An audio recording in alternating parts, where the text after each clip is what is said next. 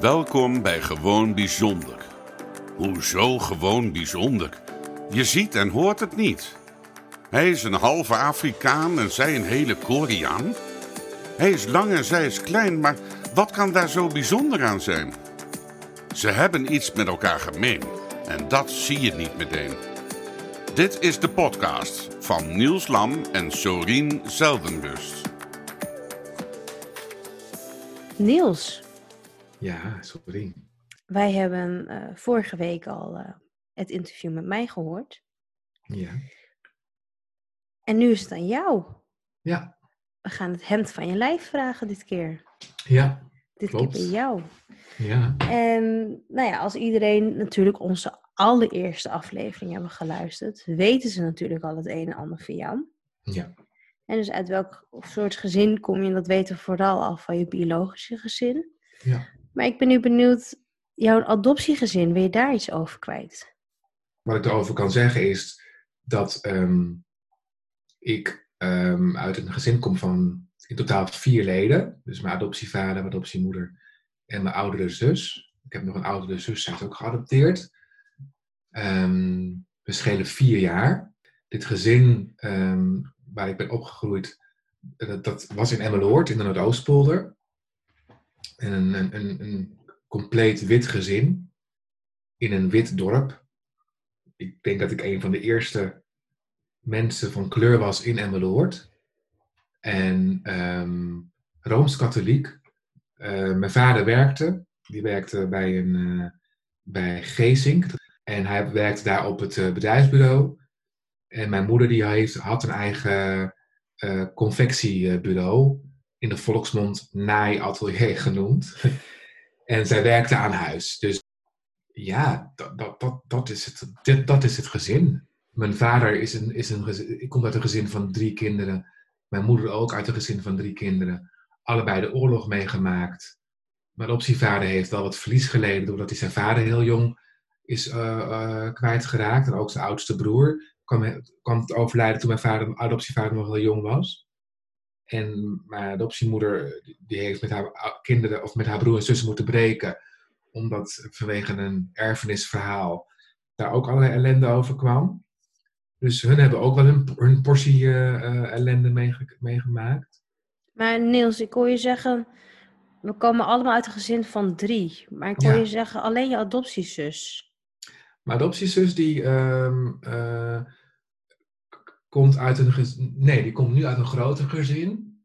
oh, maar dan Eh, bedoel je jullie allemaal persoonlijk? Ja, sorry, dus mijn vader die heeft Ja, eh, nog een broer. En, eh, sorry, die komt uit een gezin van vier kinderen, waarvan zijn oudste broer is overleden.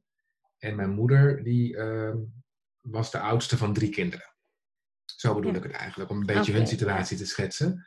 En mijn zus die was ehm, de eerste van haar moeder. Eh, en haar moeder heeft later, op latere leeftijd met haar huidige partner nog twee kinderen gekregen. En de vader, de biologische vader van mijn zus, die ehm, heeft naar dat hij mijn zus heeft eh, gekregen, volgens mij nog 1, 2, 3, 4 of 5 kinderen gekregen. Ja. Oké. En zelf eh, eh, heeft mijn moeder, mijn biologische moeder, eh, op latere leeftijd nog een, een zoon en een dochter gekregen. Dus uit dat systeem ben ik de oudste, om meteen maar dat even aan te geven. En in mijn adoptiegezinssysteem ben ik de jongste van twee. Merk je daar verschil in? Ja, ik, ehm, ehm, ook al ben ik in het adoptiegezin de, de, de, de, de tweede, ehm, ik heb op een bepaalde leeftijd die plek eh, eh, afgestaan en ben eigenlijk boven mijn adoptiezus komen te staan. Omdat mijn adoptiezus op een gegeven moment qua gezondheid eh, wat, wat dingen ging krijgen, waardoor ze ja, niet meer ehm, ja, mijn grote zus kon zijn. Dus, dus ik, ik, ik, ik, ik moest, ik dan kreeg snel de rol van me zorgen maken over haar, voor haar klaarstaan, haar dingen, bij dingen ondersteunen. Een beetje wat ik ook eigenlijk vertelde, dat je wel jongste bent, maar eigenlijk anders ook voelt. Ja, ja, klopt. Dat, daar, dat, is, dat is zeker eh, hetzelfde inderdaad. En als ik dan de lijn doortrek naar mijn gezin, van gezin van oorsprong, daar ben ik dan de oudste. Alleen daarin voelt het soms alsof ik de middelste ben. Omdat ik vind dat mijn broer, die onder mij zit, uh, soms echt wel, nou ja, wijzer is, stabieler overkomt. Um, en dat, dat, ik vul het nu een beetje in, maar goed, hij heeft een vrouw, hij heeft twee kinderen. Dus ja, dan denk ik bij mezelf, oké, misschien dat hij daardoor wat, wat stabieler is of wat. wat, wat, wat, wat maar wat maakt het hem dan stabieler? Alleen omdat ja, dat, dan. Dat, dat, weet ik dus niet. Hij, hij komt heel erg um, zeker over, heel steady over. En, uh, maar jouw broertje is ook altijd bij jouw moeder gebleven. Ja, klopt. Ja. ja. ja. Dus ja, dat is ook niet verkeerd bedoeld. Het is ook misschien daardoor begrijpelijker dat hij minder issues heeft dan jij. Ja, maar soms voelt het wel alsof hij mij eerder advies kan geven dan ik hem advies kan geven. Dat bedoel ik eigenlijk met die oh, positie. Dat hij dus eigenlijk de grote, de grote oudere broer is. Ja. Zo bedoel ik het eigenlijk. Maar wordt het misschien ook niet een beetje van hem verwacht vanuit jouw moeder dat hij voor jou zorgt, omdat zij dat misschien niet heeft kunnen doen? Of vul ik misschien nu iets in? Dat zou je inderdaad aan haar moeten vragen, maar dat weet ik natuurlijk niet. Nee. Voelt dat zo voor jou? Nee. Nee? Nee. Ik denk juist dat hij, ik weet eigenlijk wel zeker, hij is zo'n persoon. Hij staat graag voor, voor andere mensen klaar. Hij zorgt graag voor andere mensen.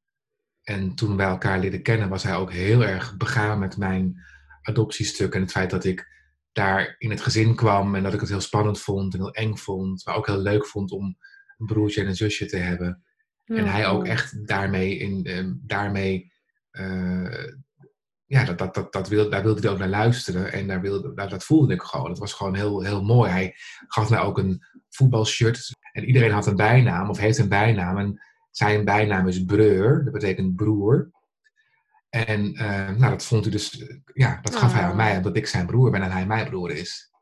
Ja, oh, wat mooi. Dat vond ik heel mooi. Ja. Shirt heb ik nog steeds. Ik heb er in het begin ook in geslapen. Oh, echt? En, uh, ja, ja, ja, ja. Oh, wauw. Ja. En heb je nu nog veel contact met hem dan? Nou, veel is niet het. Nee, niet dat, ik, dat we elke week bellen of dat we elkaar elke maand zien of zo. Dat was in het begin wel wat intenser en wat intensiever. Ehm, is het nu dan eh, meer normaal geworden? Van het is gewoon zo en hij hoort erbij en hij gaat ook gewoon mee in het alledaagse? Ja, ja. Dat gaat ook voor mijn zusje overigens. Um, alleen ehm, ja, als ik hem wel elke week zou bellen, zou het ook goed zijn hoor. Dus uh, ik denk dat dat, zoals we het nu doen, dat het ook een beetje bij de situatie hoort. we, zijn elkaar, we hebben elkaar natuurlijk heel lang niet gezien en, en in onze omgeving gehad, nabijheid mm gehad. En in het begin hebben we heel veel met elkaar uh, opgetrokken.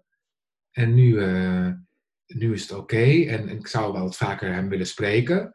Ja, daar ben ik ook zelf bij door gewoon de telefoon te pakken. Um, maar het is ook, het is ook oké. Er is geen, geen wrok of zo. Of, of, of het is niet negatief uh, allemaal. Nee, nee. nee, het is gewoon positief. Weet je waar ik nu aan denk? Nee. Jij kent um, jouw originele systeem, ken jij dus nu. Voor een, voor een, ja, voor, voor een, groot gedeelte. Ja, ja, ja. ja, En kijk, ik ken hem niet. Maar ik heb mhm. wel altijd zoiets van hey, er zit iets in mij waarvan ik niet weet dat het van hun is. Een beetje mhm. een bepaald patroon of een familiegeheim of wat dan ook. Mhm. Heb jij zoiets ontdekt bij jouw oorspronkelijke gezin? Misschien iets aan je broertje of aan je zus of aan je moeder? Heb je iets dat je denkt van, oh, ja. Geheimen denk ik niet, maar wel bepaalde patronen. Wat ik net al zei, mijn broertje is heel erg zorgzaam. Dus hij zet eigenlijk zijn gezin op de eerste, of eigenlijk, hij zet zijn gezin op de eerste plaats, maar ook zijn vrienden. Uh, daar gaat hij voor door het vuur. En dat heeft mijn moeder ook. Mijn moeder die heeft heel lang in een, een zorginstelling gewerkt. Dus altijd zorg gedragen voor, uh, voor anderen. Ook zorg gedragen voor haar huidige man, huidige partner. Maar wil haar zelf nog wel eens uh, tekort doen in zorg dragen voor zichzelf. En dat herken ik bij mezelf en dat herken ik ook met mijn broertje. En uh, dus daarin denk ik wel dat dat een patroon is. Het is wel heel mooi dat je dan toch wel een bepaald patroon hebt en dan positief vooral ook. Dat je dat wel terug hebt. Ik denk dat dat heel Mhm. belangrijk is. En ehm, hè, nu zeg je van zij zijn positief en zij zetten door. Eh, Mhm. ik heb het dan wel in mijn hoofd, maar het komt er soms misschien niet uit. Mhm. Is dat denk je dan ook van invloed geweest op wie je dan nu bent, omdat je bent afgestaan? Dus hè, heeft adoptie dan daarin een rol? Ik denk wel dat het afstaan zijn een, een, een, een- invloed op mijn leven heeft, ge- heeft gemaakt.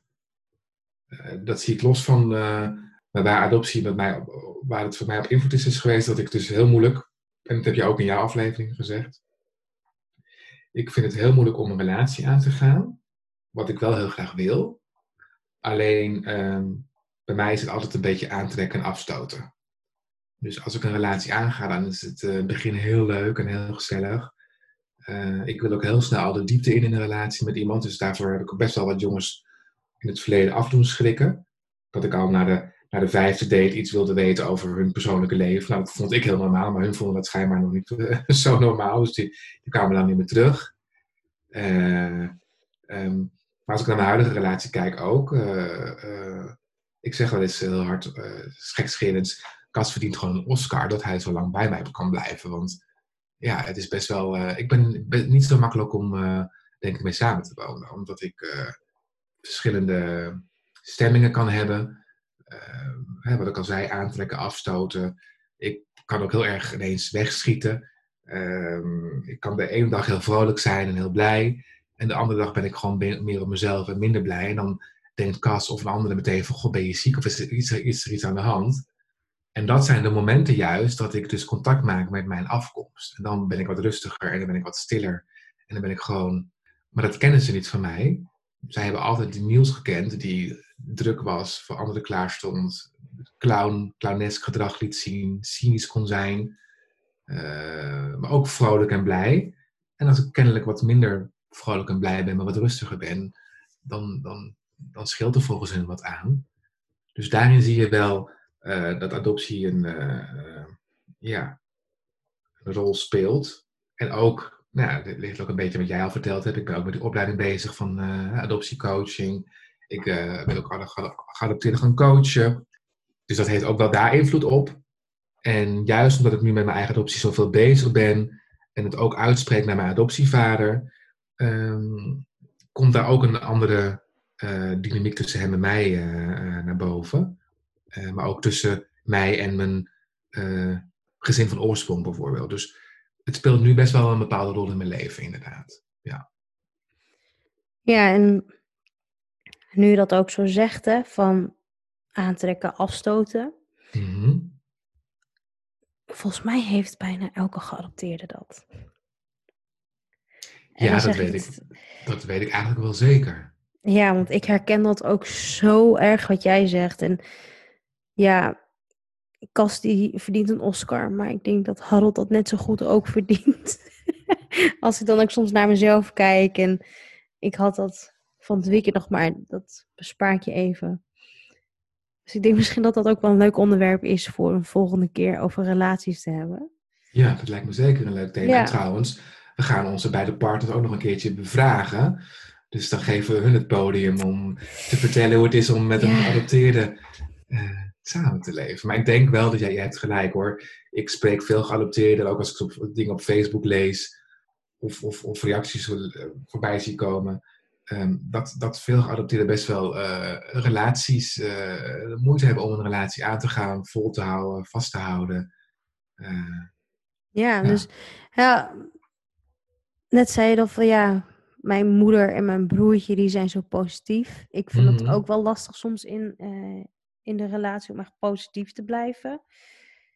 Nou ja, wij hebben ook natuurlijk wel wel hè, onze ups en downs gehad.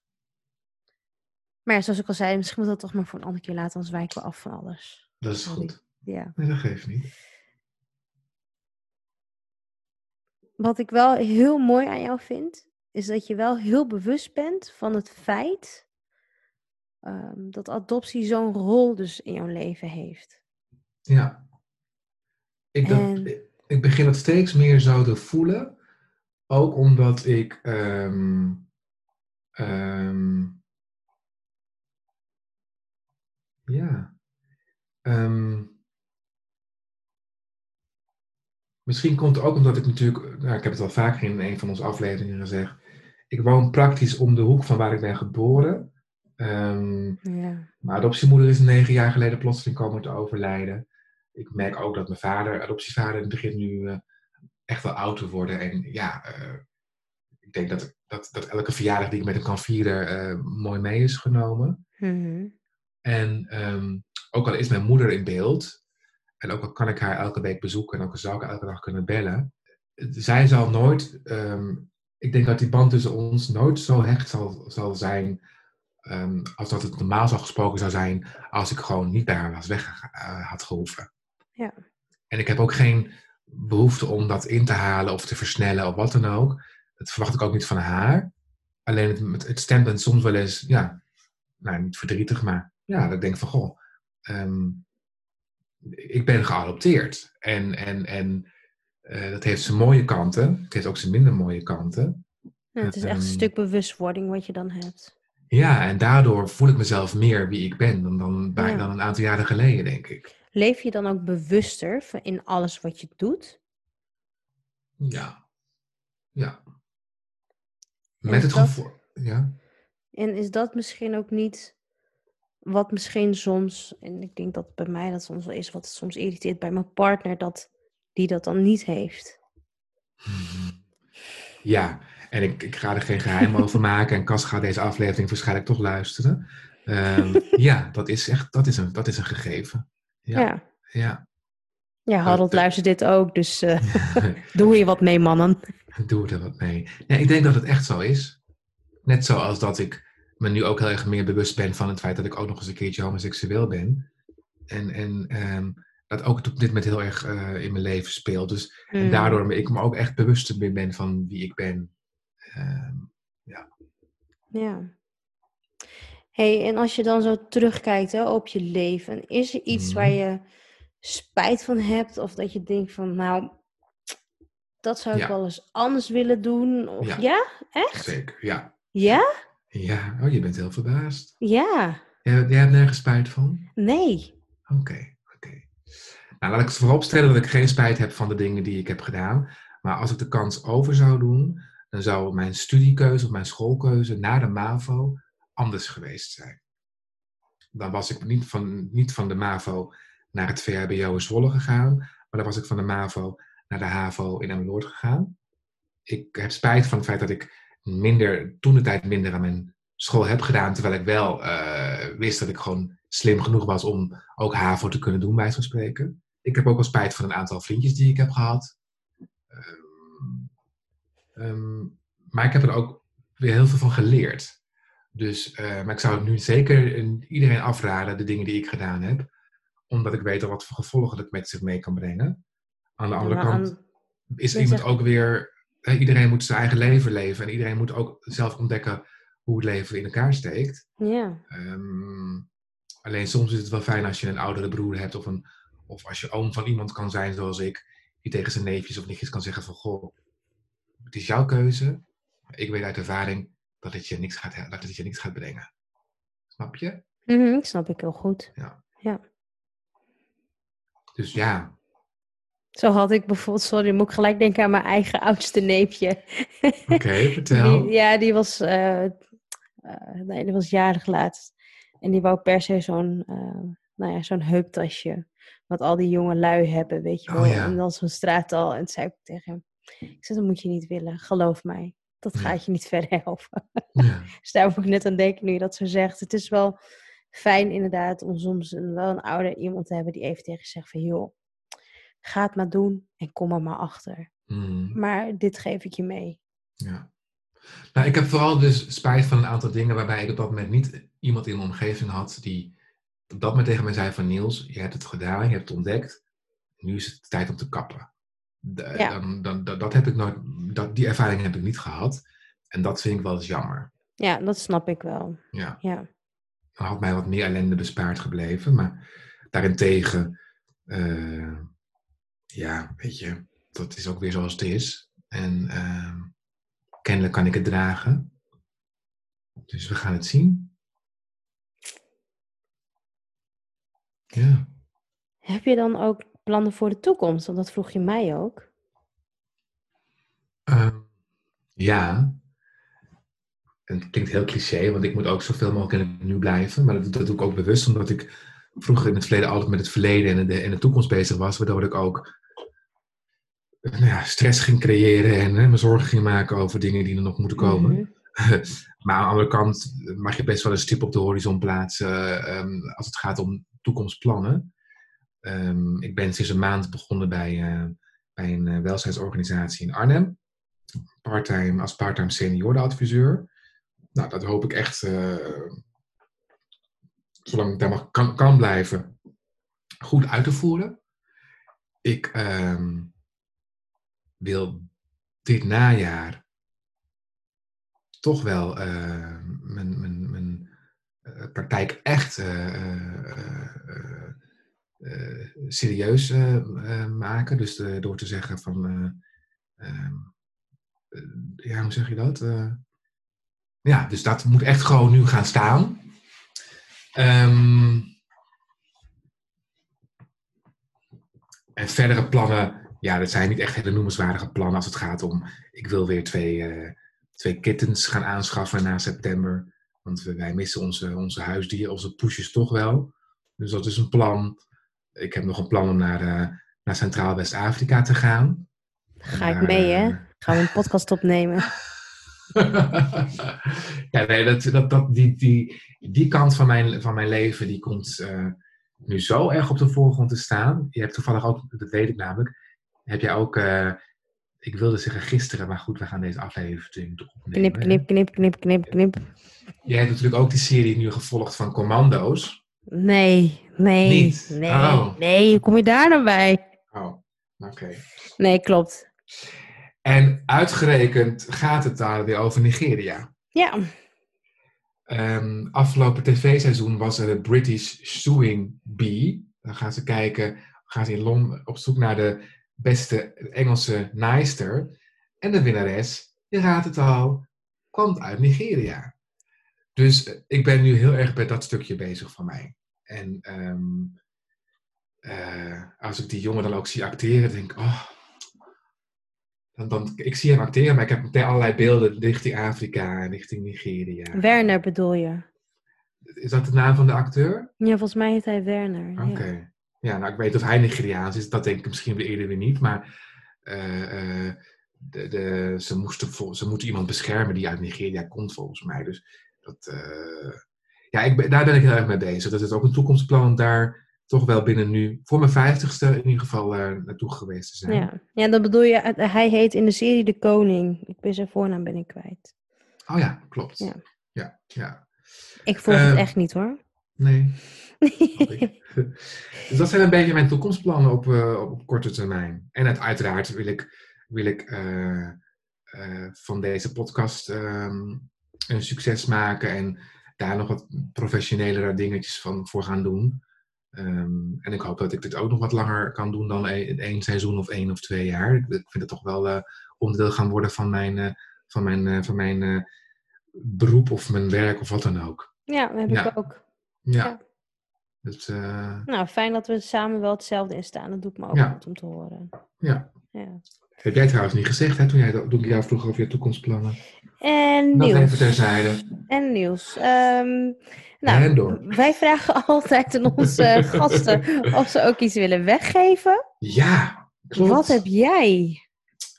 Ja, de mensen die mij echt kennen, die mij Oh. dus, ja, en de mensen die mij volgen, eh, ook op gewoon nieuws.nl, maar ook op mijn Facebook en whatever, die weten dat ik al een aantal jaren eh, een bepaalde methodiek, een bepaalde ehm, eh, eh, filosofie, of nou, nee, het is een methodiek. Het heet Lift the Connection. En Lift the Connection, dat is een methodiek waarbij je jezelf kan ontstressen. Het is een methode die je kan toepassen op alle fronten van je leven, zodat je maar even stress ervaart of je gaat over een paar dagen ergens naartoe waar je stress bij op voelt komen. En met die methode kan je die stress reduceren naar nul. Mhm. Plus je kan ook ehm, allerlei belemmerende overtuigingen of, of patronen die je jezelf hebt aangeleerd of die je hebt overgenomen van je, uit je systeem, die kan je ook opsporen met, dat, met die methodiek. En die kan je transformeren in behulpzame patronen en eh, overtuigingen. En die kan je ook installeren in je onderbewuste, want daar zit het hem een beetje in. Heel veel Ja. dingen die wij doen, die doen we natuurlijk hè, vanuit on- ons onderbewuste. En daar zitten ook heel veel dingen opgeslagen. En met deze methode kan je die opsporen en transformeren, zodat je dus inderdaad, eh, eh, nou ja, Mhm. en die wil ik dus eh, weg gaan geven. In die zin dat ik mensen ga leren om die methode dus zelf toe te kunnen passen. En ehm, ik ben zelf, mijn geluksgetal is 6. Dus ik ga dat zes keer weggeven. Wow. Ja, een, Zes keer? een kennismakingssessie is het, hè? Dus zes keer een kennismakingssessie met, jou. die, Bij, Ja, met die introductie. Met, Met die, met, die, zes? met die methode. met zes verschillende mensen. Zes verschillende mensen. Ja. Wow. En wat is de tegenprestatie? Wat moeten ze daarvoor doen? Wat moeten ze ervoor doen? Oké, laten we zeggen dan bij de 100 volgers ga jij Ja. gewoon loten onder de. Is dat iets? Ja, Dan gaan we alle 100 volgers in de grote hoed doen en dan gaan we daar gewoon. eh, zes uithalen.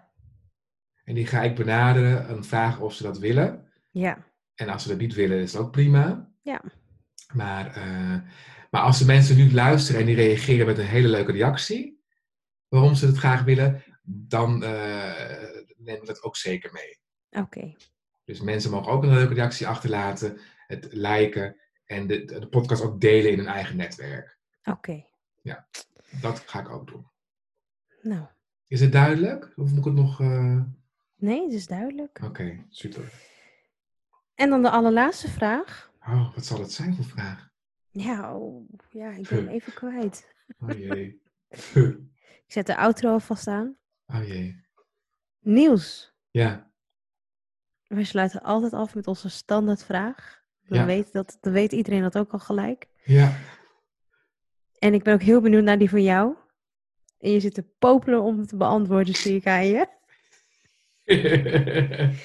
Wat maakt jouw leven gewoon bijzonder? ik denk, of ik, nou, wat maakt mijn leven gewoon bijzonder? Dat ik een aantal jaren geleden het voorrecht heb gehad om een groep mensen te mogen ontmoeten die mijn leven een bepaalde richting hebben gegeven. En dan met name de mensen die ik heb ontmoet eh, uit het adoptiewereldje.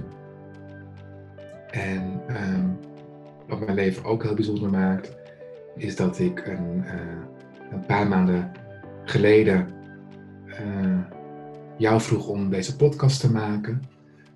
En ehm, dat er in een hele korte tijd, want volgens mij zijn we pas begin juli of zo begonnen, dat dat me zoveel ehm, vreugde ook heeft, heeft gebracht. Wat maakt dat ik minder ehm, de dingen minder zwaar, minder zwaar zie en voel. En ehm, ik had een lange dag vandaag. Ik had iets van, oh, vanavond om half acht eh zoomen. Maar om kwart over zeven toen kreeg ik ineens zo'n speur. En denk, yes, ik mag zo meteen lekker met Sorien een opname maken. Ja, dat vind ik dus heel fijn. En als je me dat een jaar geleden had gevraagd dat ik dat zou voelen, had ik, daar geen, had ik mezelf daar geen, geen cijfer voor gegeven. Dus dat zijn dingen die mijn leven heel bijzonder maken. Dat ondanks de, de dalen die ik meemaak, en die zullen er vast nog wel gaan komen, er ook gewoon heel veel mooie dingen gebeuren in mijn leven. Dat ik mooie mensen ontmoet. En ehm, dat ik ook een man heb waar, waar ieder ander misschien eerder de stekker uit had getrokken in de relatie. Dat wij toch proberen eh, door te pakken. Ja, dat, dat zijn dingen die ik heel bijzonder vind. Dus eh, dat maakt mijn leven gewoon bijzonder. Dit was de podcast van Gewoon Bijzonder. Niels en Sorien horen graag wat je van de podcast vindt. Wil je een review achterlaten of wil je iets delen? Je kan ze vinden op Instagram, Facebook en hun eigen website gewoonbijzonder.nl. En als je daar dan toch een kijkje neemt, volg, like en deel deze podcast. Dankjewel.